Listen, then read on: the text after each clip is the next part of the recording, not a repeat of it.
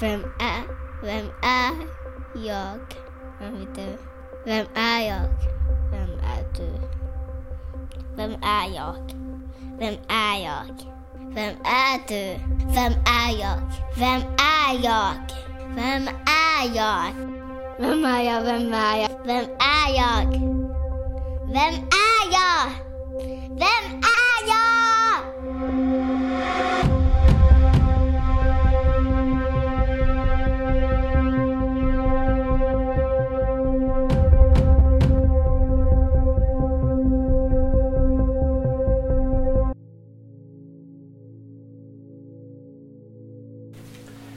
I takkronan av renhorn hänger det trådar av tuberkulosbakterier.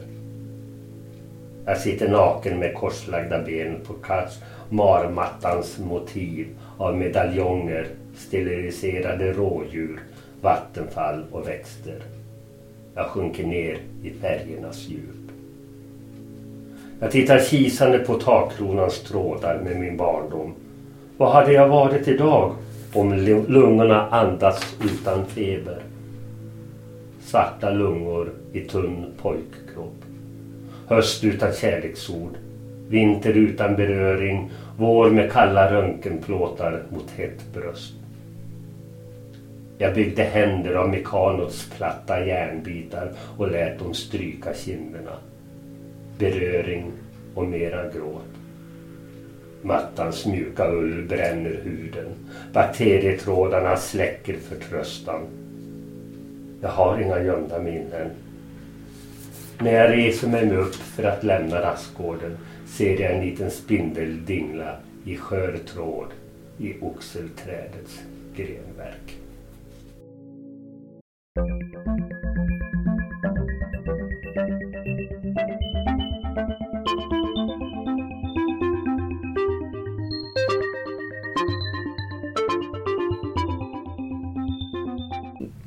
Först och främst så vill jag väl hälsa dig välkommen till min podcast Sture Bergvall. Tack så mycket. Jag är, eh, jag är faktiskt lite stolt och mallig över att få vara med i din podd. Ja, tack. Eh, För den tack. är trevlig och, och god att lyssna på. Ja, det är alltid trevligt. Då vet jag att, att jag når fram till någon. liksom. Ja, visst. Eh, Så. Ja, men så är det. Och det är ju faktiskt så eh, att, som jag har tänkt på. Vi har ju haft en direkt eller indirekt kontakt med varandra ganska länge egentligen. Eh, via Twitter och nu Instagram. Och vi har till och med spelat Wordfeud ihop. Ja, men, ja just när, när du hade det. Ja, just ja. ja. Eh, Och du är jäkligt duktig på det. Ja, det jag tycker ju om eh, Ja. eh, ord. Jo, det har jag förstått av att läsa din bok också. Ja, Eh, att du löst mycket korsord och sådär. ja, jag gjorde det. Ja. Eh, Det här med korsord har ju sin egen historia. Eh, Korsordslösandet började jag med när jag gick in i, i de sju tysta åren. De, det jag kallar de sju tysta åren. När drogerna sattes ut och jag blev nykter. Eh, så, så levde jag ett väldigt, väldigt isolerat liv. Helt ensam. Ingen kontakt med någon utanför murarna och ingen kontakt med människorna innanför murarna. Och då var korsordslösandet en del av min strategi för att göra dagarna uthärdliga. Så jag löste väldigt mycket korsord och svåra korsord. Och, och, och, och, och, och, jag gav mig inte förrän korsordet var löst. Nej. Helt enkelt.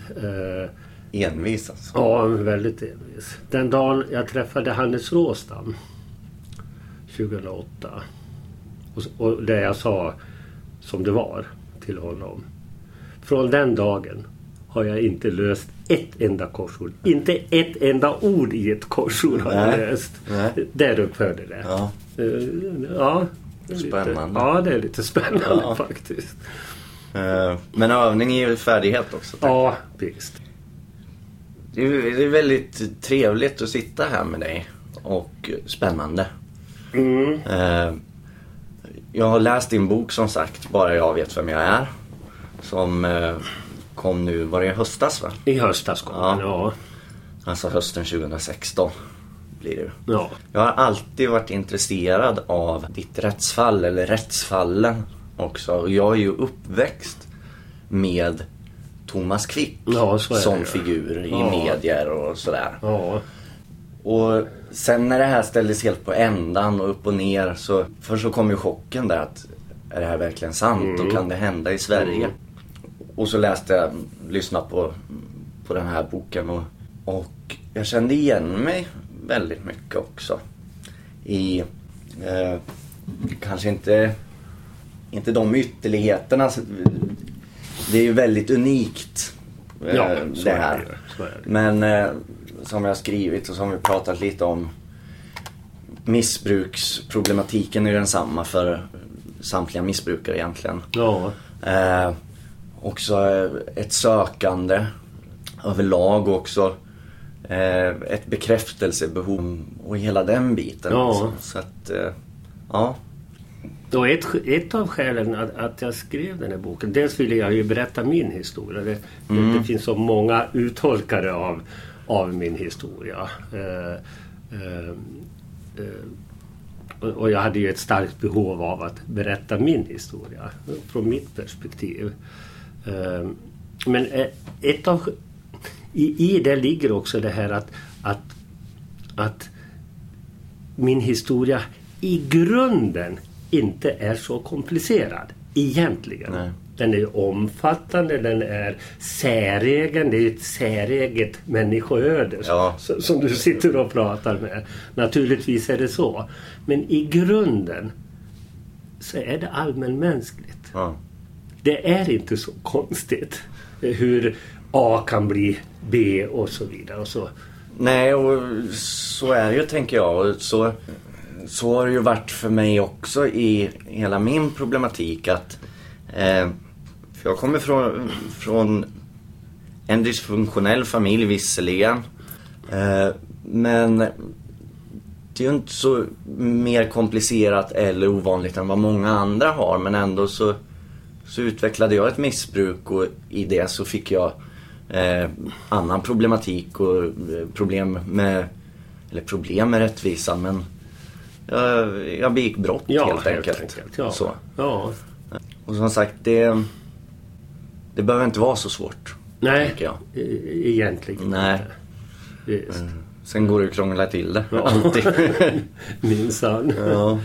Det gör det. är något sådär som, som jag kom på nu, som jag faktiskt fastnade för. Det står någonstans i boken att eh, om jag hade jag varit ICA-handlarens son eller något sånt så då hade det här aldrig hänt. Nej. Och det, eh, det tycker jag är ett intressant perspektiv. Ja, det är det. Jag, för mig är det också ett perspektiv som har glömts bort. Ja. Eh, ja, klassperspektivet Jo, helt enkelt. precis. Ja, har, man, har tappats i det. Ja.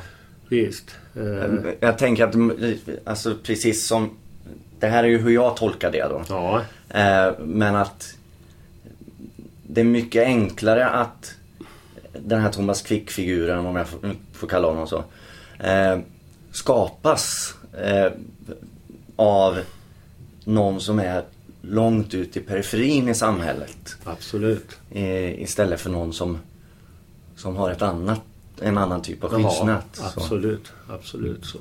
Visst. Här kunde alltså domstol efter domstol döma mig förmodligen inte begått. Just för att jag var en väldigt ensam eh, eh, människa utan, utan någon som helst socialt skyddsnät utanför Mm. Säters väggar. Nej, precis.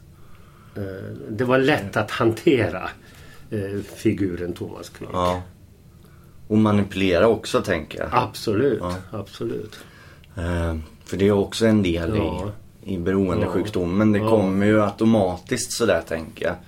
Det är manipulationen av andra människor. Ja. eh, Både av det ena och det andra. Ja. För mig har det varit så. Ja, Eh, att det spelar ingen roll vad det är jag, jag vill, bara jag får min vilja fram. Liksom. precis. Och, och jag skriver ju någonstans också att, att, att den här fria narkotikatilldelningen mm, eh, in, i, eh, nu, tappar jag, eh, nu tappar jag bort mig. Eh, det här missbruket. Mm. Det här legaliserade missbruket. Alltså det var ju en missbrukares helvete och himmelrike. Ja. Ett i samma. Jag behövde alltså inte anstränga mig Nej. för att få drogerna. Jag hade fri tillgång Ja. till dem. Ja. Eh, och i det avseendet var det ett, ett himmelrike. Jo. Men det hade ju helvetiska konsekvenser. Jo. Jag levde ju också i helvetet under de här åren. Precis. Och, för det var en, en sak som jag hade skrivit upp här. Som jag också tänkt på. Det, så spontant så är ju tanken att ha sån fri tillgång till eh, benzo. Ja, Eh, att det måste vara paradiset Ja. för en missbrukare. ja, ja. Eh, du får det på laglig väg liksom. Ja, Eh, enkelt och, och bra. Sen när jag tänkte ett varv, varv extra så kom ju just det här att det skapar ju de här konsekvenserna också och Ja. att leva i det. Och, Ja. och framförallt nu också tänker jag. ja visst står jag. Precis. Så. Ja. Jag har berättat för en del människor Ja. att jag ska träffa dig. Eh, då blir de lite tveksamt inställda så. Ja. Eh, och lite oroliga kanske sådär. Var försiktig har jag fått höra något och så. Och jag har, eh, för mig så har det runnit av mig Ja, som, en, ja. som en gås liksom. Ja. Eh, för att, nej men jag, jag har känt något som, som känns bra. Och du har läst boken. Och jag har läst framför- boken. Framförallt och Ver- fått, verkligen. fått en, en till bild. Precis, exakt. Just. Eh, men det jag tänker på är att människor i allmänhet är väldigt snabba på att döma andra människor. Ja. Eh, och sen är det så ohyggligt svårt att få bort den Ja. Oh, stämpeln. ja. Oh, ja. Eh, hur, hur känner du inför det liksom? Det är väl frågan Eh, kanske. Jag, jag måste ju ha strategier i det här eh, för, för att leva ett bra liv. Och jag lever ett, ett väldigt bra och gott liv idag. Eh, Jag tar fasta på de människor som har vågat se, se utanför eh, den gängse bilden och tränga in i, i min bild. Eh, som har, har eh, eh, tagit in kunskap och så vidare. och så vidare. Eh, Så idag har jag ju jag har alltså flera nya vänner idag. eh, Som jag inte hade 2014 eller Nej. 2011. Eh, Jag har många nya vänner. eh, Som är genuina vänner. Och det är dem jag lutar mig mot. Det är dem jag anförtror mig för och, och, och, och umgås med och så vidare.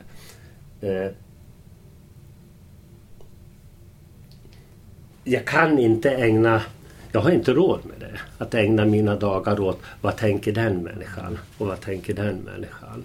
Eh, eh, jag, jag kan inte gå in och läsa på Flashback. Det skulle aldrig falla mig in att göra det till exempel. Eh, eh, mina krafter ägnar jag åt jag skulle vilja kalla det det, det goda. Mm. Ja, Ja, men jag, jag kan känna igen det där och, och känna likadant på något sätt att för jag, har jag har också gjort väldigt många människor illa i mitt missbruk. Jag Kommer med det. Men jag kan inte grotta ner mig i det. Eh, och sen också att idag så lever jag ett gott Ja, och fantastiskt ja, liv. ja. Jag är inte fri från alla mina defekter. nej nej, det är ju Eh. inte jag heller från mina. Nej. Eh, men de är ju hanterliga idag och eh, jag lever bra som sagt. Ja. Det, det, men där kan det också bli... Jag tycker, eh, förlåt mig, Ja, jag tycker att, att leva bra idag eh, och, och, och, och ta vara på det goda. Det är också en försoningsgest. Ja, Eh, Att grotta ner sig i eländet och, och, och, och klia sitt huvud och kasta sig på marken. Det hjälper ju inte de man har gjort illa. nej. Och utan försoningsgesten är att, att leva ett, ett hyggligt liv. Mm. Och det, det tänker jag också. Och för, för egen del så har jag... Det var ju det enda jag gjorde när jag missbrukade. Det var ju att grubbla igen. Ja, ja, Eh, Så. ja. Men sam, samtidigt sen också så kan det ju, det kan ju bli konstigt eller vad jag ska säga om jag om jag träffar någon som inte träffat mig sen jag blev nykter Mm, mm, och har samma gamla bild av Ja. missbrukaren ja, Karl-Adam. ja. Så där har jag lite, jag har svårt att förhålla mig till det där att ibland att jag är en god människa inom situationstecken. Ja, Eh, har det bra i mitt liv, Ja. gör rätt saker. Eh, men jag har, å andra sidan så har jag varit den här fruktansvärda hemska Ja, människan ja. också. På ett sätt. ja. Det, Ja, och, och det är svårt att förhålla sig till eh, de man har gjort illa framförallt. Mm. Det är jättesvårt alltså. Eh, eh, eh, och, och man kan upprepa förlåt och, och jag ångrar mig hur många gånger som helst. jo. Men, men det illa man har gjort, det, det finns ju kvar. Eh, eh, eh. Alltså försoning och att sonas, det, det- är ju viktiga begrepp. Det är jätteviktiga och svåra saker. Ja, verkligen. Och det här med ånger och skuld. Ja. Och, och skulden som kan, kan vara så förödande också. Eh, har man då förmågan att, att resonera, att, att eh, relationera med människor. Så, så, så, så det är ju ett sätt att, och det bästa som jag ser det, att hantera skuld och ånger och, och, och sådana saker. Mm, att, att, att, att finnas den här dagen. Mm. Eh, sitta och samtala med dig. För, för mig är det en del i den stora försoningsprocessen. Den pågående försoningsprocessen. Ja. Ja men verkligen. Jag, jag tappar bort mig. Ja, det, det lätt ja. Det. Det, Eh, det, det gör så. jag själv också. Jag tappar bort det. Ja.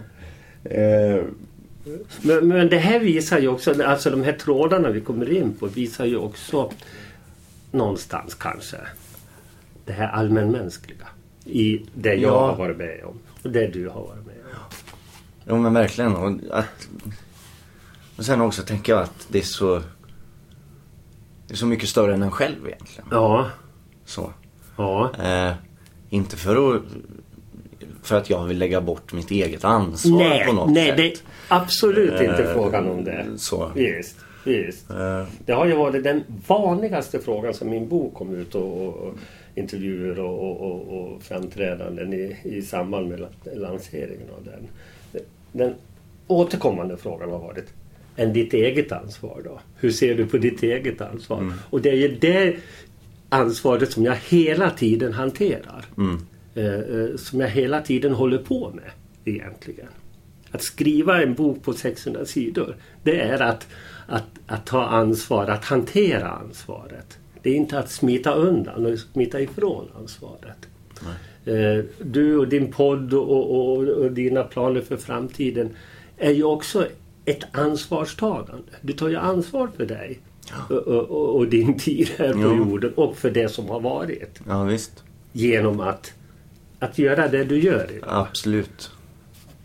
Så är det verkligen. Och, Och att Det- leva nykter till exempel. Det är ja, också ett... ba, bara det är ju ett Bara ansvar. det. Ja, absolut. Eh, och, nej, det, är- det är viktigt att,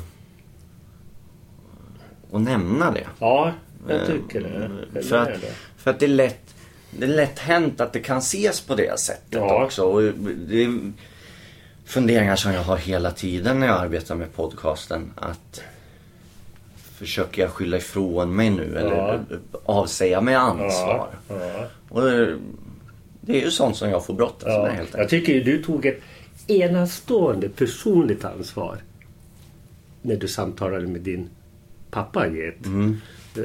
Podcastavsnitt. Det var, det, där tar ju du ett, ett väldigt stort personligt ansvar. Och din pappa gör det också. Ja, verkligen. Det, är jätte, det där samtalet, det, jag får tårar i ögonen när jag Ja. tänker på det. var jättefint. Alltså. Ja. Eh, Och, och, och, det, och då, där smiter du ju inte undan. Nej, verkligen inte. Och Nej. det, det kändes väldigt... Alltså det är nog det, det samtal som har känts bäst och viktigast att spela in ja, kanske. Ja. Eh, Och det är ju också att vara väldigt personlig. Att, Ja. att, att våga vara personlig inför den som lyssnar på eh, samtalet. verkligen. Och där är, där är jag väldigt eh, eh, imponerad av min pappa också. Ja, som, ja. eh, eh, han är väl en ganska inåtslutande människa Ja, egentligen. Så, ja. Utan att prata för mycket om honom och Ja, ja. be- berätta vem han Ja. är utifrån mitt perspektiv så att säga. Ja. Att du blir så berörd, blev berörd och blir berörd av det Ja. avsnittet. Eh, har det att göra med din egen relation till din pappa? Tänker det jag? tror jag säkert. Ja. Är- Nå- något måste Ja. finnas tänker jag. Eh, Jag pratade aldrig med min pappa. Nej. Jag hade en nära relation till mamma. eh, Men jag hade ingen relation till pappa. Nej. Eh, Och jag skulle vilja sitta ner med honom idag. Mm. Och resonera och fråga och, och, och så vidare. Och så Mm. vidare. Eh, Så, så visst har det med det att göra Ja. också. Jo.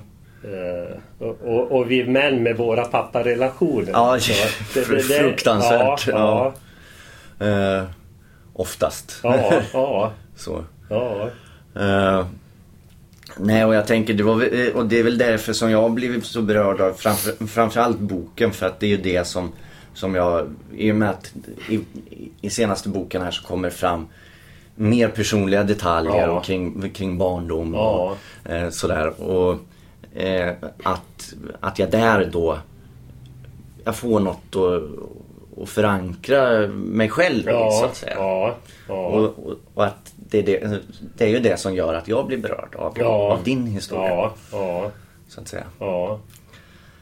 Eh, Vem, vem var du som barn? Hur var din uppväxt? Vill du prata om det? Ja. Du, det, det måste jag säga också eh, så, så här, innan vi tar det. För att jag är väldigt imponerad av, av dig också. Eller väldigt, det är väldigt fint det här för att vi har haft mailkontakt inför det här samtalet och mitt besök Ja. här. Eh, Men du har inte en enda gång eh, bett att eh, få veta vilka frågor jag ska ställa. Eller tillrättalagt något eller sådär. Och det, det hade väl jag kunnat tänka mig Ja. att, att det hade varit så. Liksom. Ja. Men det är jag väldigt tacksam för. För att då känner jag mig, mig fri i det här och det känns äkta och öppet Det är och så, ärligt. precis absolut. Det är så jag vill också att det ska vara Ja. naturligtvis. Eh, Och, och, och det är din podcast och det är du... och, eh, Nej, nej men för, för mig är det någonstans givet att det, det är så det ska vara. Eh, Det ger ett ärligt samtal. Verkligen. Och det är också ett ansvar tänker jag. Ja, det är det också. Det är det också. Så. Ja. Mm. Men Min barndom. barndom som sagt. Det finns ju många historier om din barndom. Ja, det gör det också. Ja. Visst. eh, visst eh, mm. Eh, Nej, men jag, jag är ju barnfödd i en, i en stor familj. Jag har en tvillingsyster. Eh, och vi är född som nummer fem och sex i en syskonskara på sju. Eh, så jag har äldre bröder och en äldre syster och tvillingsyrran och en yngre syster. Eh, och vi, vi växte upp i, i Falun. Utanför Falun, Främby först och Korsnäs så småningom. Eh, Korsnäs är min... Eh, det är mitt hemma. Bruksgatan är min gata. Och så vidare. Eh, drömmer jag idag så Eller jag, jag, jag, om, om nätterna när jag drömmer så, så återvänder jag väldigt ofta till Korsnäs och till köket på Bruksgatan 4C. Eh, väldigt, väldigt ofta. Eh, Trevliga minnen från just köket ja, det var ju där man träffades och det var där man Ja, umgicks och, och, och, och så vidare. Ja. Mamma hon var skolvaktmästare och skolstäderska. Och pappa var både det ena och det andra. Han hade svårt att, att, att, att eh, hitta ro i tillvaron. Eh, eh, han var sågverksarbetare, han jobbade på en vagnfabrik. Uh, han blev alkoholistvårdad de sista åren i sitt liv på ett Röda Korshem för alkoholister. Uh, men, men han, han... Pappa var eh, väldigt begåvad. Men fick inte... Han fick in, inget utrymme för sin begåvning. Hitt, hittade inte metoder att, att komma vidare med sin begåvning. Eh, han var väldigt extremt musikalisk till exempel. Han var eh, eh, allmänt intelligent och, och, och så vidare. Men, men hittade inte fram. Och, och arbetarbarn som han var också så, så det, det gavs aldrig den möjligheten. Han läste som privatist till, eller då tog realexamen, realen eh, per, per brev. Ja. Eh, och det var så långt han kom. Eh, så han, han, jag upplevde... Jag, jag tror inte pappa var en lycklig människa. Och, hade, och jag tror också att hans lyckliga stunder inte var så många. Mm. Men, men det är min tolkning av Ja, pappa. Det, det intressanta med att, att ha en stor syskonskara och leva i en stor syskonskara. Det är ju att, att vi sju syskon har olika föräldrar. Eh, och vi har också olika syskon. Det vill säga, min bror Sten-Ove, han är tio år äldre än mig. Han hade föräldrar som var hela, hela sin uppväxt som var tio år yngre än vad mina föräldrar Ja, var. just det. Eh, han hade ett syskon eh, de första Mm. åren. Jag hade fem, eh, eller sex syskon mina första år. Ja, En helt annan uppväxt alltså. ja. Eh, min tvillingsyster, hon hade två systrar och, måste jag tänka efter, eh, eh, fyra bröder. Ja. Jag hade tre systrar och tre bröder. Jätteskillnad. Ja. Det där är Det intressant. är, ja, det är spännande. Ja, spännande tanke. Ja, visst. Så vi har ju olika uppväxt, olika perspektiv och olika föräldrar. Ja. Jo, det är klart. Faktiskt Ja. är det så. För, för, först funderar jag på... Ja. Hallå, vänta nu. Ja, Men det, det är klart. Ja. Det är, Därför har jag min bild av min pappa och jag har min bild av min mamma. Den behöver inte alls vara densamma som Stenoves bild av sin pappa nej, och sin mamma. nej, så är det ju. Det är Absolut. jättespännande. Absolut. Det, ja. verkligen. Ja, ja, Jag har aldrig... I och med, jag är, min syskon, vi är fem stycken. ja, ja. Eh, Men vi är ju födda ganska tätt in på varandra Ja. så att säga. Ja. Så att, eh, jag har väl aldrig haft anledning att reflektera Nej, över det. men det kanske gör, kommer du ja. göra det lite grann nu i alla fall. Kanske något med min yngsta syster. Hon är sju år yngre än mig. Ja, det är mycket. Eh, Ja. Så att där Ja. har det ju... ja. Det blev ju lite för att jag... Innan hon var tonåring så hade jag hunnit flytta hemifrån. Ja, ja.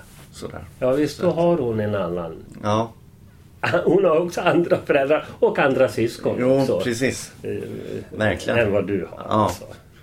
Eh, nej, väldigt intressant Ja, tanke. ja, visst. Eh, men den här... Jag tänkte... Men i, i den miljön är jag upp, uppvuxen, Ja. alltså i, i en stor syskonskara. Men så, så fastnade jag för du, när du sa... Jag tror att du beskrev din pappa som ganska orolig. Eh, är det något som du kan känna igen dig i och som du kanske har ärvt också? En, en rastlöshet, en oro eller vad man ska säga? I, inte... Eh, jag, jag uppfattar ju det som om att jag har, att jag eh, har väldigt lite av pappa i mig. Mm. Jag har däremot förstår jag och, och mer och mer förstår jag det att jag har väldigt mycket av mamma i mig. Mm. Och hennes eh, karaktärsdrag och, och, och eh, ja, ja, jag- jag har mycket mer av mamma i mig och väldigt lite upplever jag det av pappa. Mm. Eh, ja, Det jag tänker på är att jag alltid har, jag har alltid känt en rastlöshet. ja, Och att det är det också som på något sätt fört mig in i, in, i ett missbruk så att säga. ja, Och också en nyfikenhet Ja. som jag beskrivit i ja, flera avsnitt tror jag. ja, Eh, en kombination där ja, av de två. ja, Jag, första gången jag blev erbjuden narkotika så tackade jag ja. Liksom. ja. Av, av ren nyfikenhet ja, egentligen. ja. Eh, Och det Så- där känner jag igen Ja. också hos mig själv. Alltså. Absolut. Visst. Eh, Ja, för det, det beskriver jag också i boken. eh, Det var första gången var på en parkbänk någonstans va? Vi, Ja, eller en stadspark i Falun. Ja, precis. Ja. Eh, Och, och det var ju, det var ju en, en frälsnings... Det var amfetamin alltså, som jag tog oralt. Då. ja, Eh, eh, Det, det var en frälsningsupplevelse. ja, Eh, Och, och just det här, jag har... Och det har ju med min, min barndom att göra och säkert väldigt, väldigt mycket med min högbovistelse. Jag låg alltså tbc-sjuk som ensamt barn på ett stort sanatorium när jag var sju år. Mm. I, ett, I ett år låg jag där. Eh, och på den tiden fick ju inte föräldrar hälsa på men man var ju väldigt isolerad. Eh, eh, och, och, och den vistelsen på Högbo bidrog också till att, att eh, jag hamnade eh, i någon slags... Eh, mina syskon upplevde jag alltid som duktigare. De var intelligenta, de, de kunde läsa och de kunde ta för sig. Men det kunde inte jag göra. Eh, och, och, och jag tror också att jag behandlades lite utifrån att, att vara lite utanför, att inte vara eh, den- kvicktänkte och, och, och så vidare. Eh, eh, det var ju väldigt besvärligt till exempel när, när eh, min syster hade alltså gått första klass. Eh, min tvillingsyster sa Ja. det. Ja, hade ju gått första klass när jag började skolan. ja, Så jag fick ju läsa in första klass eh, på sommarlovet. Ja. Det var en väldigt eh, snäll fröken. Men det gjorde att jag halkade efter. Ja, men det är väl klart. Ja, jag lärde mig till exempel aldrig att skriva skrivstil. Det kan jag inte göra än idag. Nej.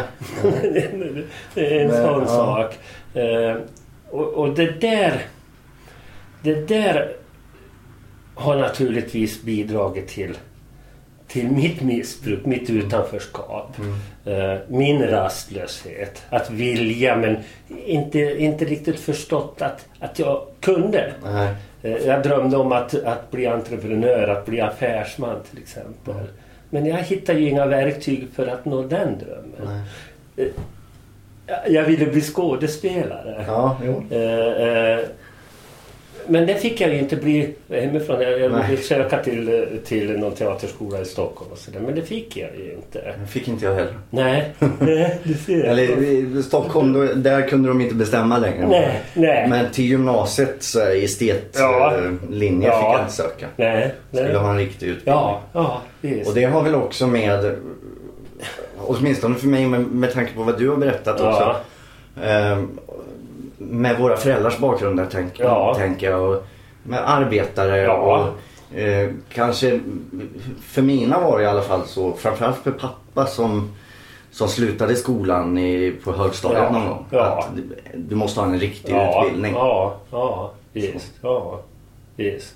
Ja, men... Och jag hade ju alla mina äldre syskon som eh, gick läroverket som det Ja. var på den tiden och sen på universitet i Uppsala och nu var det var någonstans. Eh, men jag, jag känner att jag, men jag når inte dit och jag vill inte nå dit heller. Nej.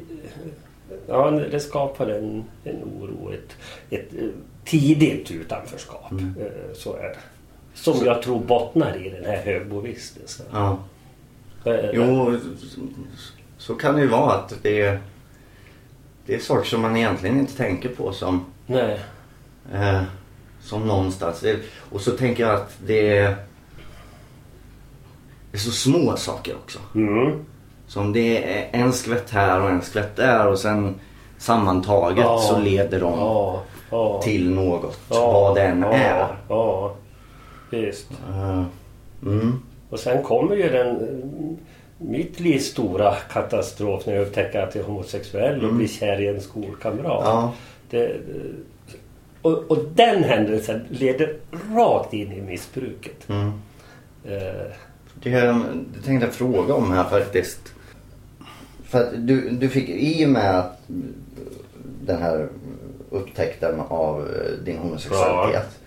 Eh, på den tiden så sågs det som en sjukdom. ja.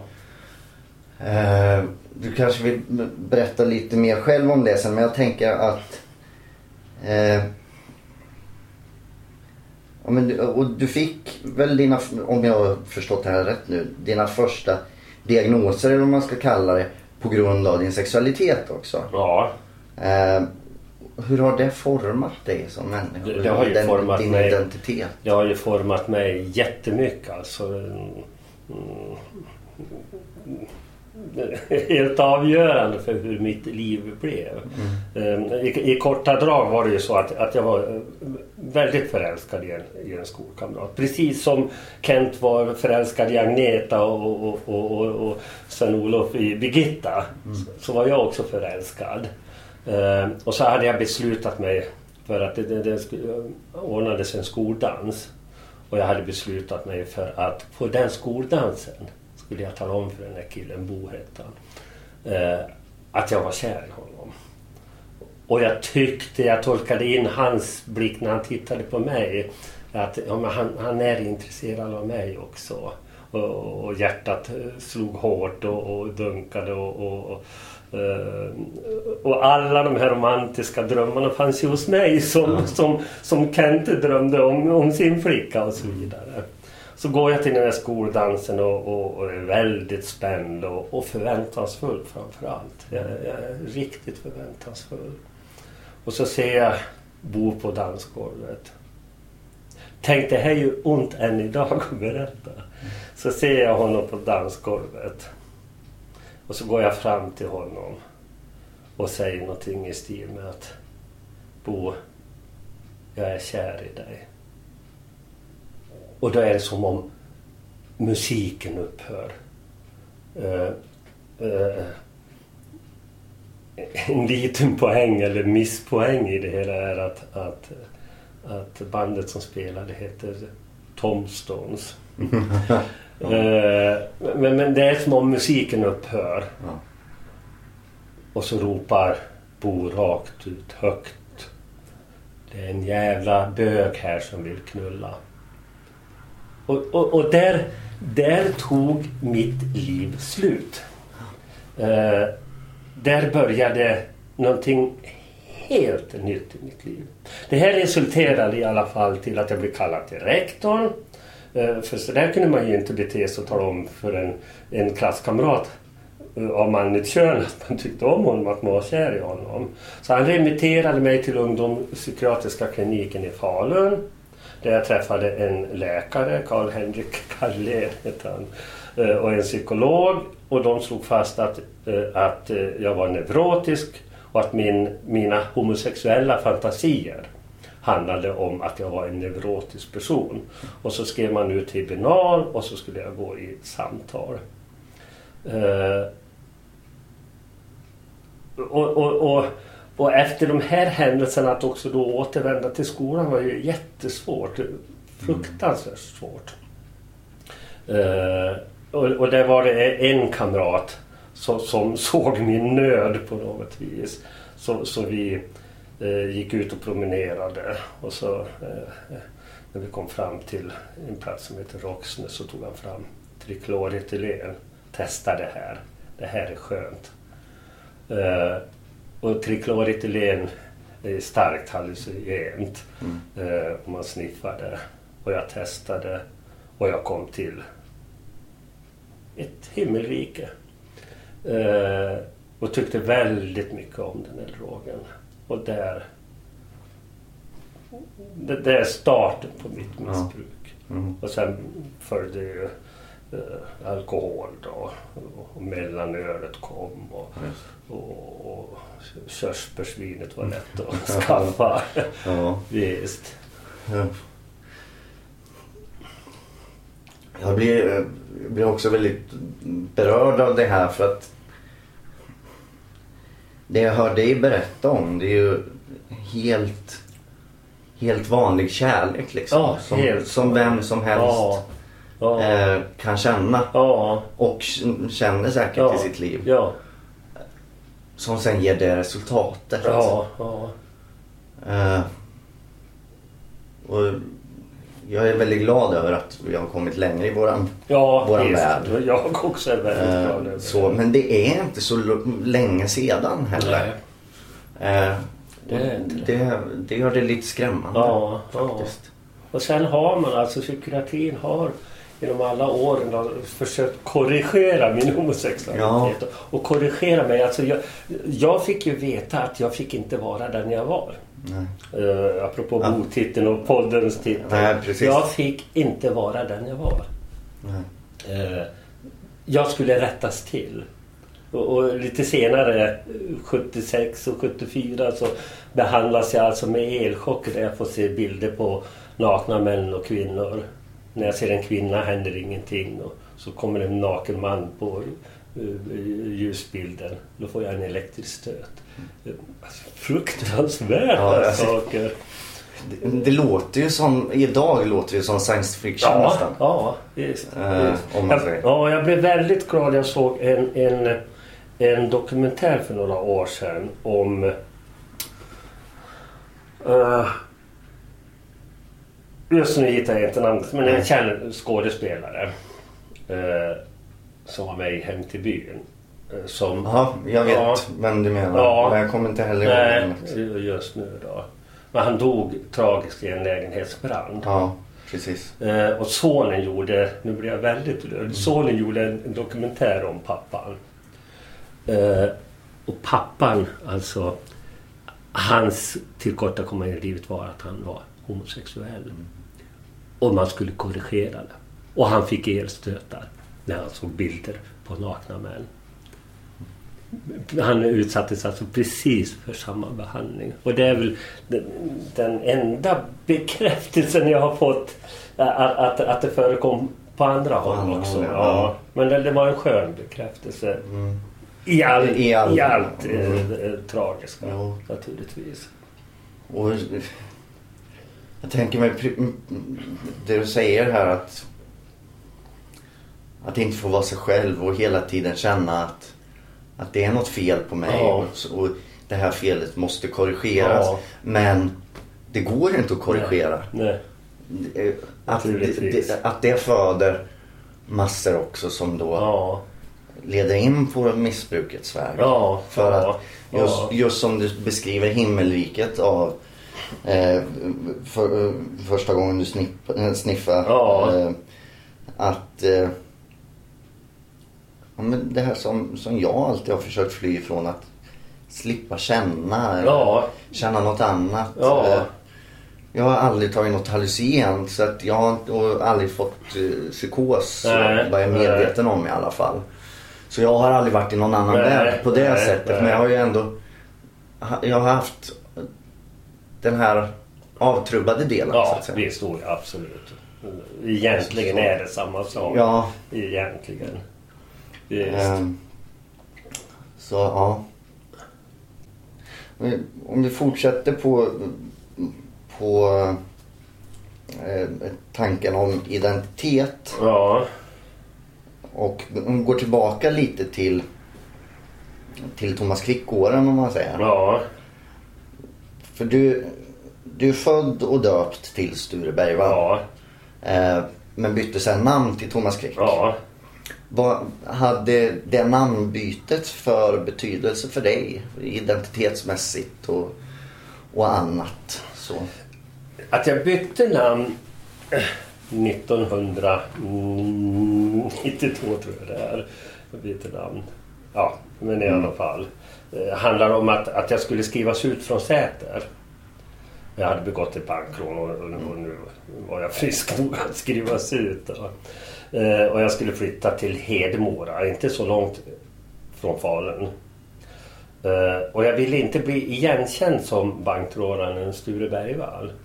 Eh, så jag ville byta namn för att kunna få chans att leva anonymt. Och, och att, att det blev Thomas Quick handlar om att Quick är min mammas barnnamn. Hon är född Tyra. Och det var hennes flicknamn alltså. Och, och ett, ett namn som finns i släkten får man ta och det kostar ingenting. Mm, det. Eh, Så det var enkelt och, och, och ett ganska bra namn också. Och, och så sen skulle jag ha ett förnamn också till namnet Quick. Eh, och, det, och det finns ingen symbolik, det finns ingen uträkning med namnet Thomas. Utan jag ljudade namn till Quick. Anders Quick. Eh, per Quick. Och, och så där höll jag på och så kom jag till Thomas Quick. Och det, det passade ihop tyckte jag. Och, och så ansökte jag om att få byta till Thomas Quick. Eh, och så gjorde jag det. Det är intressant att du nämner här att det inte fanns någon symbolik. För att när jag läser boken så eh, jag tänkte det och jag skrev en anteckning om det tror jag. Att Thomas Tvivlaren tänkte jag på. Ja, ja. Så, eh, när du börjar erkänna morden eh, som du inte begått, Ja. för, för att vara tydlig här. ja. Eh, men som du senare dömdes för också. Att det är ju en lång process eh, under rättegångar och vallningar och allt. ja. Eh, och du beskriver när, när du är på, på ditt rum i ensamhet. Och det är väldigt mycket tvivel. Ska jag fortsätta med det här? Vad, vad har jag gett mig in på? Eh, hur tar jag mig ur det här? Ja, visst. Eh, Och jag snärjde in mig själv i, historien på något vis. Eh, och- det blev omöjligare och omöjligare att ta sig ur den. Ja. Men apropå namnbyte så, så var, var jag ju tacksam när jag blev nykter. eh, Och upptäckte allt elände Mm. eh, som jag, jag tillsammans med andra hade ställt till med.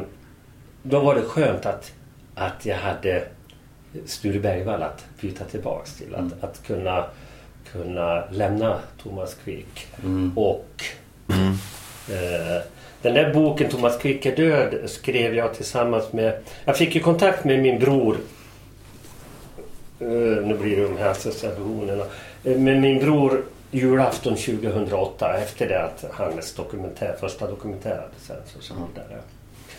Eh, på julafton 2008 ringde Sten-Ove mig. Det var första kontakten på över 20 år som jag pratade med honom. Ungefär 20 år. Eh, och, det var ett fantastiskt samtal. Det var obeskrivligt. Dagen efter ringer han igen på juldagen och så säger han, ska vi skriva en bok tillsammans? Eh, och jag trodde mig inte om att kunna skriva. Men jag svarade, ja det gör vi. Och så skrev vi den här boken, Thomas Quickedöl, som kom ut ett halvår senare. Eh, men den kom ut för tidigt. Ja. För då var ju eh, resningsprocessen det. alldeles i sin begynnelse. och Ingen kunde föreställa sig om att jag skulle frikännas för Nej. åtta mord Nej. eh, och så vidare. Så den kom för tidigt. Men, men eh, det är ju ingen samling argument utan det här är ett samtal mellan två bröder. Två åldrande bröder så, som hittar tillbaks till varandra. Eh, eh, och med den här historien om Thomas Quick och, och vad det, hur det hade påverkat hans liv och, och så vidare. Så, så det är ett sånt samtal. Eh, vi skrev den på så vis. Jag hade ingen dator och inget internet och sådär. Så jag skrev mitt och skickade det per, Ja. per Handpost. handpost Ja. till Sten-Ove. Så läste det och så skrev han sitt avsnitt och så skickade han det till mig. Och så läste jag det och så skrev jag mitt och så, Så det- vandrade det fram Det och blev lite som en stafettskrivning. Ja, det blev det. Det, blev det. Det, var, ja, det var en intressant process Ja. faktiskt. När, ändå, när vi ändå pratar om böcker så vill jag ändå snudda vid det också. Du skrev en bok som heter Kvarblivelser. Ja, ja. Men Vad kan du säga om den? Eller? Det är väl... Ja, det, jag, jag kan säga en hel del om den naturligtvis. Ja, jo. Eh, Det är ett intressant dokument egentligen. Mm. Det- är väldigt intressant. Eh, För det speglar ju vad som hände på Säter och vad som för sig gick på Säter och hur vi tänkte och så vidare. Den är ju skriven eh, väldigt mycket tillsammans med, med terapeuten Birgitta Ståhle. Eh, eh, eh, den är ju skriven där jag är eh, jag är ju inte nykter någonstans under den skrivandes gång. Eh, Emellanåt är jag hög som ett hus. När jag skrev den där så, så eh, jag kunde sitta eh, en hel natt och skriva. Och, och sen när jag skulle ta rätt på det jag hade skrivit så gick det inte att läsa. Alltså så berusad var jag. Det, det gick inte att läsa alltså. Så det är i, i det tillståndet den är skriven. Men den speglar väldigt väl eh, eh, terapin. Ja. Eh, Det gör den. I, I den här stora boken, eh, eller senaste boken då, Bara jag vet vem jag är. Så, förekommer det ju många samtal. Ja. Eh, hur kan jag minnas det och så vidare. Har den frågan har jag Mm, fått. jo, det- Eh, eh, alla dialogsamtal är ordagrant hämtade från förhörsprotokoll, från journalanteckningar. Inget av det jag lägger i Birgitta Ståhles mun eller Seppo Pentinens mun är taget från någon annanstans. Nej. Utan det är verkligen exakta eh, citat. Mm. Eh, det där påpekas i pocketboken. I, i, på, eh, Ja, just det. ja. Visst. Och det, det har jag varit väldigt noga med. Ja. Men jag har pratat mycket i podden om eh, och överlag. Eh, vi har också nämnt det. Eh, det här bekräftelsebehovet. Och fick väldigt mycket bekräftelse som Thomas Quick. Och det, Ja. det gav ju bensin på elden så att säga. Ja. Eh, har, har det all, hur har det varit för dig? Har, har du alltid sökt bekräftelse på något sätt? Jag har ju nog gjort det på ett eller annat Ja. sätt. Och det har väl också med, jag menar, att jag har jobbat som skådespelare och Ja. att, att jag också med den här podden så diskuterar jag med, med min flickvän eh, väldigt eh, noggrant innan varför gör jag den här? För att få bekräftelse? Ja. Ja. Eh, hur, hur blir det om jag, om jag inte får någon respons eller Ja. dålig respons eller sådär? Eh, hur tar jag det då? Ja. Eh, så för mig har det varit en väldigt stor del och viktig del Ja. i mitt liv Ja. överhuvudtaget. Ja.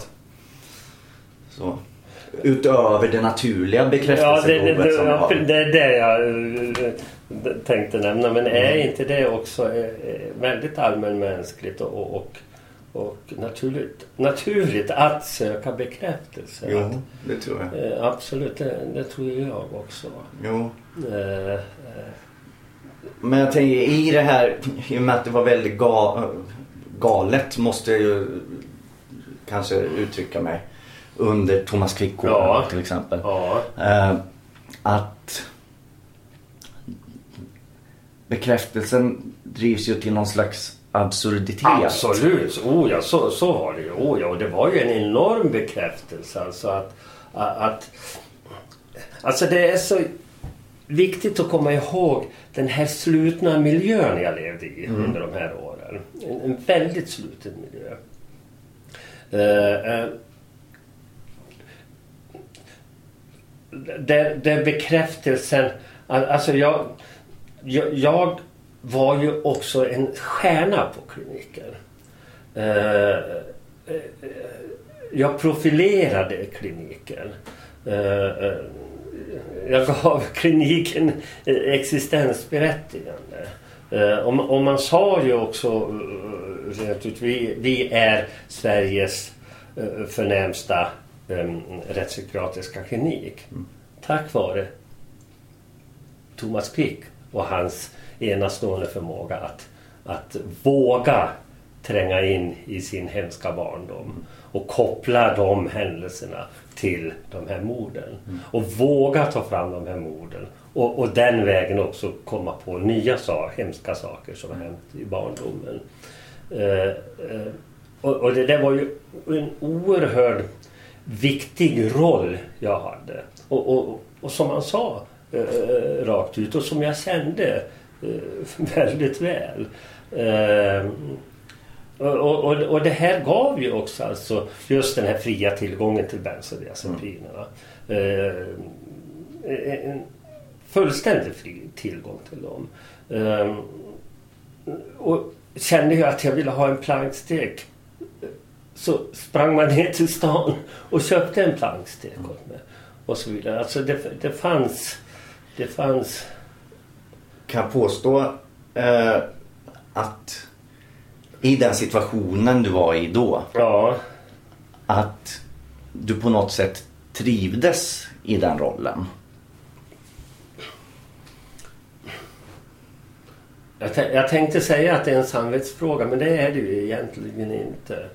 Eh, eh, för det där var, varierade ju också över dygnen helt Ja. enkelt. Eh, det, det var en fruktansvärt djup vånda att, att finnas i det här sammanhanget. Men det fanns däremellan alltså eh, eh, eh, eh, en djup tillfredsställelse över att göra det också. Eh, Så, så det är väldigt, väldigt dubbelt. Jo. Ehm, Jag, jag tänker det också. Ja. så, så måste det vara. Jag menar. Eh, delvis då missbrukarpersonen som säger något annat. Ja. Eller nå- något. Och sen, Ja. Eh, sen den delen av dig då som eh, som är den friska delen. Ja, Så, ja, Att eh, den säger tvärt emot. ja. Eh, och att missbrukaren då tycker om och njuter av att vara herre på täppan. Ja, vara, ja. vara den här stjärnan ja, som du ja, säger.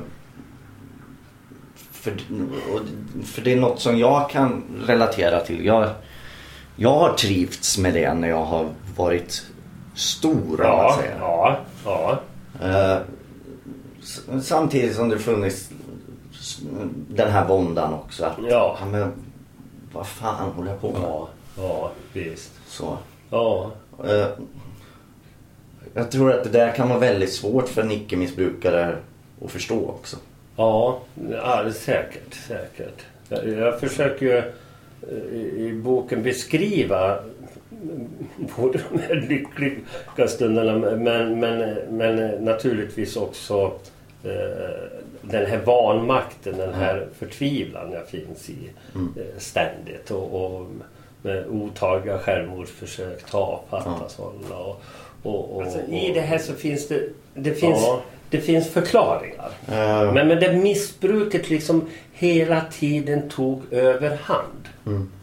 Eh, ja men jag tar en Sanhor så, så, så, så, så blir det lugnare och så tar jag en till Sanhor så blir det eh, ännu bättre. Ja men så är det väl tänker jag att Så har det ju varit för mig. Jag har Jag har drogat oavsett om det är alkohol eller narkotika. Ja. Sen har jag gjort något dumt om man ska kalla det så. Det är ju väldigt milt uttryckt Ja. ibland.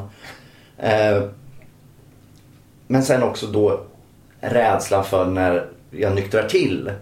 att det här blir så tungt att bära. Ja. Så Ja. då, då fyller jag på istället. Ja, just det. Eh, Precis. Sådär. Och, ja. Men där, däremellan så finns väl något glapp då Ja, också. ja, just det. Ja. Av att, eh, och det är då våndan kommer och den har jag inte stått ut med. Nej. Så, så då Precis, fyller jag på helt Jag enkelt. försöker beskriva min, de här glappen när, när, när jag vaknar på nätterna och ropar nej. Ja, precis. Eh, och så täck- täcker jag över det på en gång då med en Sanor eller Ja. en Stesolit Klyschma eller vad det nu var Ja. för någonting. Precis. Eh, absolut. Ja, det är... Just. Och, och det viktiga, alltså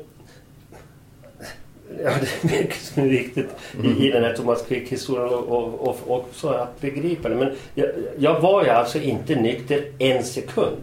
Inte en sekund under de här Thomas Quick-åren. En, mitt enda mål egentligen var att få, den få de här drogerna. Det, det var ju mitt enda mål med hela, hela den här historien. Och jag hade ju under de här, under de här åren, jag hade ju inget konsekvenstänkande. Nej. Utan jag var ju i den här skyddade miljön. Jag såg egentligen inte vad som hände. När du beskriver det som att du var inte nykter en sekund. Eh, jag vill gärna ta ett förtydligande där för att det kan, det kan låta lite som att eh, slippa undan ansvar också. ja. Jag var ju hög så att det var inte mitt fel. Ja. Eh, hur, hur, hur tänker du kring det? För att jag är väldigt ambivalent Ja. till det där. Samtidigt som jag har varit ett offer Ja. i missbruket. Ja. Så har jag ju ändå ansvar för mina egna handlingar. Absolut. Eh, och vad jag har gjort mot andra och vilka jag har skadat. Ja.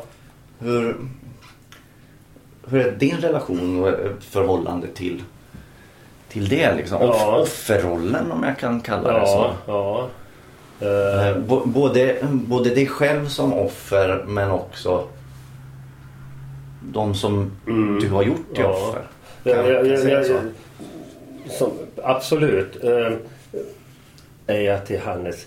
Tänk om jag inte är skyldig till de här borden. Hur ska jag göra då? Ja, men då ska du ta kontakt med en advokat och så vidare, säger han. Och så stannade vi det samtalet där. Eh, och, och jag sa inte att jag var oskyldig. Jag, eh, sa ingenting om det. Och Hannes skulle åka från Säter till Göteborg då på kvällen. Så, så vi skildes åt och, och kom överens om att ja, vi måste ju träffas igen någon gång. Eh, och så går han och sen prick klockan sex på kvällen, jag skilda själv så vet jag att klockan var prick sex. Eh, därför att Aktuellt som det var på den Ja. tiden signaturmelodi gick då. Så ringer telefonen i, en telefonhytt på avdelningen. Och det är det Hannes som ringer. Och jag blir tillkallad till den där telefonhytten och tar luren. Och Hannes säger då, ja det är Hannes. Du, jag har inte åkt till Göteborg. Eh, kan vi träffas imorgon? Eh, och jag säger ja, vi träffas imorgon. Så lämnar jag telefonhytten och går till mitt rum och det är en lång korridor. Och det är alldeles tomt och mm, de andra intagna är inne på sina rum och så vidare. Och jag går mot mitt rum. Eh, och det är det här som är det, av mitt livs starkaste ögonblick. Så knyter jag näven när jag går i korridoren och säger Ja, nu ska det ske. Från den stunden var jag fri. Från den stunden var jag fri. Och med fri tänker du då framförallt själsligt fri antar jag? Ja, absolut. Visst. Att få säga som det var att... att, att, att eh, det, det, finns, det finns en klyscha som säger sanningen befriar. Och, men, men alltså jag, kan, jag, jag kan tala om att det är ingen klyscha. Det, det är en verklighet. Sanningen befriar. Eh, och, så, och sen den stunden har jag varit trygg och, och gått rakt fram och inte orolig. Och, och, Jag, jag känner sam, samma sak där. Att, och framförallt efter att jag blev nykter. ja, Eh, eller det är väl egentligen då efter Ja. att jag blivit nykter. Ja. Att, att vad det än är så då säger jag som det är. Ja, Utan krusiduller. ja och så enkelt det är. Ja, egentligen. Egentligen, precis. Ska man väl lägga till. Ja, Visst, tror jag. Och jag har ju ljugit så mycket och Ja. bedragit Ja, ja. I, i, Ständigt. i ruset liksom. Ja, ständigt. Eh, Ja, Så nej, väldigt befriande som sagt. Det det. Eh, Och, och, och jag tycker, ja. Det, det kanske är den upplevelsen eh, som gör att, att alltså jag upplever ingen eh, för min egen del upplever jag ingen som helst risk att jag skulle återfalla i något missbruk. Och, och, och, och, Det är väldigt vågat sagt. Ja, det är det. det är, jag vet det. Vet. Och, jag, och jag vet att, att, att, jag, att jag för det mesta håller inne med det. Eh, eh, eh, eh, nej men jag, jag, är jag, är verkligen trygg i min nykterhet. Och jag tror ju också att det har att göra... Jag, har, jag kan inte... Eh, jag är snart 70 år och jag kan ju inte... Jag kan inte riskera att, att gömma undan nya år av mitt liv. Eh, det, det är så många år som är borta av mitt liv redan. Jag har inte råd med det. Mm. Mm. Ehm, Jag tänkte vi skulle gå vidare. Du nämnde eh, att, att ta steget ut i, i samhället. Ja, Eh, och då tänkte jag eh, prata, eh, prata om Mörsil där du bodde. ja. Och, det var en kamp att hitta en bostad och, och, och, och, så. Men eh, till slut så fick jag en bostad i Mörsil. Eh, och, och var glad och lycklig över den och så vidare. Men det fanns en... Mörsil hade en liten ICA-butik. När jag gick in där och handlade så möttes jag av en, en fientlighet helt enkelt. Eh, som var väldigt obehaglig. Eh, både från personal och, och, och andra kunder i affären. Eh, så det gick inte att handla där. Så jag började handla i en affär en mil bort. Fick ta bussen dit och, och, och i en större ort, Järpen. Eh, och så gick det några månader och så tänkte jag nej, jag kan inte ha det så här. Uh, nu, nu får Mörsilborna vänja sig. Uh, så jag började handla i affären igen. Och, och i, i, kring de här månaderna så hade Dan Josefssons bok Mannen som slutade ljuga kommit ut. Och ICA-handlaren, en yngre uh, kille, Erik heter han, eh, eh börja började fundera, vem är den där Sture Bergvall egentligen? Eh, så han köpte Dans bok och läste den och blev väldigt berörd och, och tagen. Eh, eh, och, och, och så kom Dans bok ut i pocketutgåva och, och jag var inne i affären och då kommer Erik fram till mig och sträcker fram handen. Och så säger han, du jag har läst Dans bok och är väldigt tagen. Får jag sälja den här i butiken?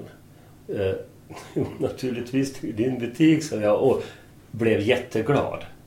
För Dans bok var väldigt viktig och är väldigt viktig. Det är en jätteviktig bok.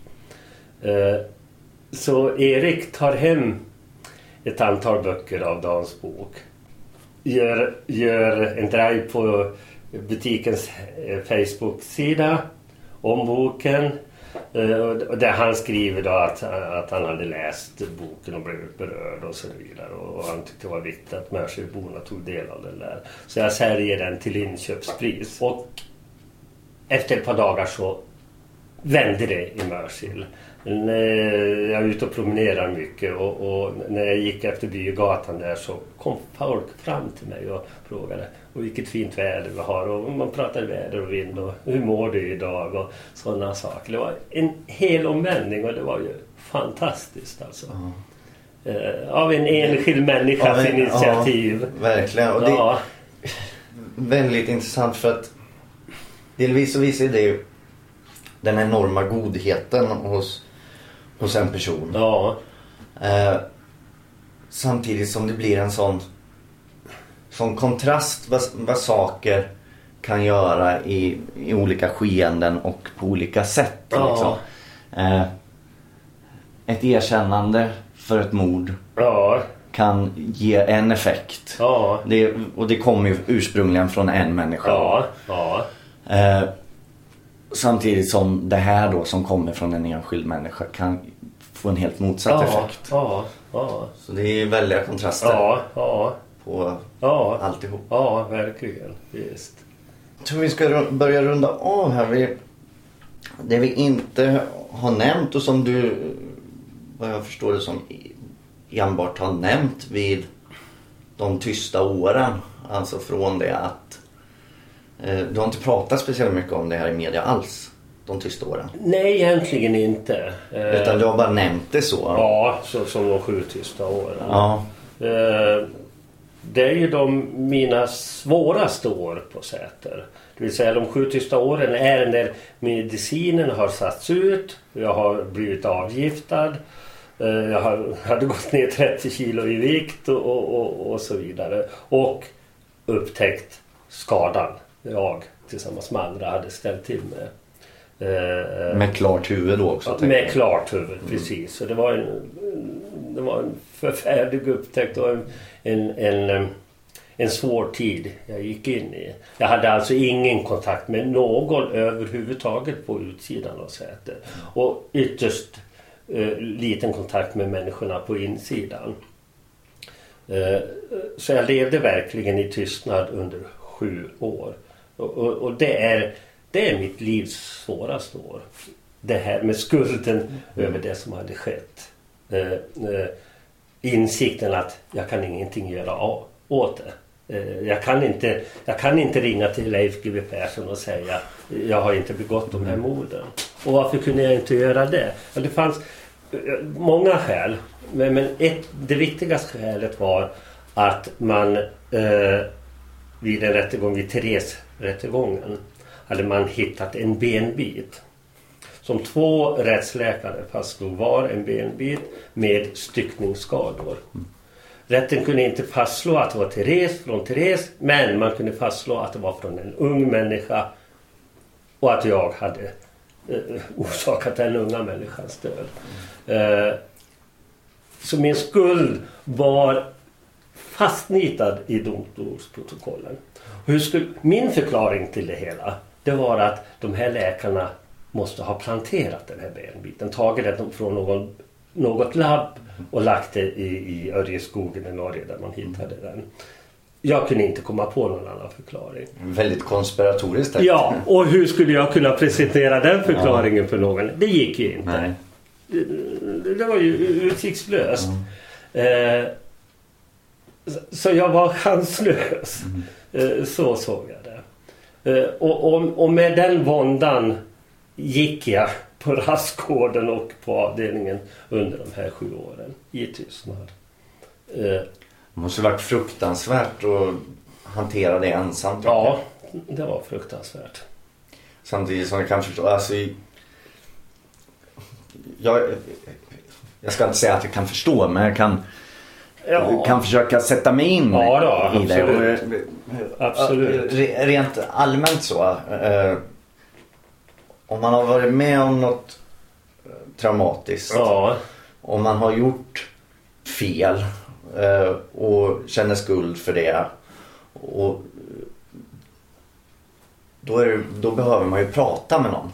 absolut. Så är det ju. Men samtidigt som det var väl inte direkt eh, så att mm, du ville hoppa skrattande tillbaka till terapi. Nej, Tänker jag. det var ju en omöjlighet Ja. naturligtvis. Visst. Hur, hur, han, hur gjorde du för att hantera det? Jag, främst genom kolossalt stränga rutiner. Att gå upp på morgonen, exakt klockslag, att gå ut på rastgården sex minuter över sex på morgonen. Eh, att göra eh, saker och ting eh, rutinmässigt. Eh, jag hade stränga rutiner helt enkelt och det var mitt sätt att hantera det. Jag, jag gick på rastgården varje dag och det där blev väldigt viktigt att inte bryta det för då hade jag någonting att haka upp tillvaron på. Jag kunde eh, notera att jag hade gått 293 dagar ut i stek utan uppehåll. Och så småningom kunde jag notera att jag hade gått 1972 dagar utan uppehåll. Och så där fortsatte det. Så det blev väldigt viktigt att upprätthålla den kontinuiteten och, och att, att gå på rastgården utan något uppehåll. Mm. Det i sig blev en drivkraft att gå ut på rastgården. Och här på rastgården eh, Eh, jag, jag lånade från biblioteket reseskildringar från Paraguay och från Indien och från, från Sydafrika, från överallt i världen. Och så läste jag de här reseskildringarna. Och så tog jag med mig de där miljöerna och bilderna och texten ut på rastgården. Och så gick jag i de här länderna. Uh, och gick de här vägarna och genom de här städerna och förbi de här haven. Och, och, och, och det var mitt sätt att, att ändå vara någon annanstans än på denna jäkla mm. rastgård. Mm. Varv efter varv efter varv. Uh, nu, de här åren vill jag ju försöka beskriva och framförallt vad de innehöll av vad de innehöll för känslor och för, för den här vanmakten och, och, och, den här skulden och allt det här. Och det här vill jag försöka illustrera. Och eh, hur tafatt jag gör det, det vet jag inte. Men, men, men, men förhoppningsvis så, så det jag skriver just nu är en, en diktsamling som jag hoppas ska ge eh, lite bilder av hur jag hade det under de här sju tysta åren. Mm. Du ska få läsa några sen. Mm, tänkte jag. Ja. Det, det där med rutiner det är väldigt viktigt för mig idag ja. i, i, mitt nyktra liv. Ja, ja. Eh, sen kan jag rucka på ja, dem också. Det är, det, är inte, det är inte benhårt liksom. Men jag mår bra av rutiner och det gör väl alla människor. Ja, det tror jag. Eh, och särskilt som före detta missbrukare tror jag. Ja, verkligen. Jag tror, det, jag tror att det är jätteviktigt. tror jag va. Eh, och, men det är ju det att jag som eh, missbrukare var ju helt rutinlös. Ja, alltså jag, ja just det. Jag struntar ju. Ja. Alltså för vanliga, vanliga människor om man säger inom situationstecken. Ja. Eh, det, då det här faller sig väl naturligt kanske eller man, man tänker att ja, men rutiner det har ja, alla, det är inte ja, så konstigt. Men för mig som missbrukare så har det varit väldigt konstigt. Ja, och jag, jag har kanske inte jag har nog inte trivts med rutiner. Nej, nej. För att det har varit för för uppstyltat. Ja just det, för förutsägbart och, och allt det här. Ja, just det, just men, det. men idag så, det är ju min räddning och ja. idag trivs jag jättebra ja, med det. Jag skulle, ja. jag skulle inte klara mig utan rutiner. Nej, nej, sådär. Så. Ja, nej, jag tror också att det är viktigt faktiskt. Det är det. Mm. Ja. Nu har vi pratat länge och väl. ja, det har vi gjort. eh, och, har vi gjort. Jättetack för att jag fick komma hit och eh, träffa dig. Och tack för att du ville träffa mig och samtala med mig. Så jättetack för din öppenhet och eh, eh, vänlighet. Tack själv. Tack själv. Jag vänder fönstergallren uppåt och åt sidan och ser ut. Som levande siluetter rör sig mesarna i oxelträdets kala grenverk. Solljuset gräver i fängelseblek hy. Lyfter fram mamma och ställer henne mellan då och nu. Jag vaggar tröst, sjunger mammas hälsinska. Silhuetterna faller. Pennan blöder bläck. Vindarna mojnar, stormen tilltar. Jag river sönder protokollen, bokstäverna faller isär. Djupt i domarböckerna står skulden ändå kvar. Fönstergallrets skuggor binder mig i tid. Oförlöst skriver jag mitt avsked.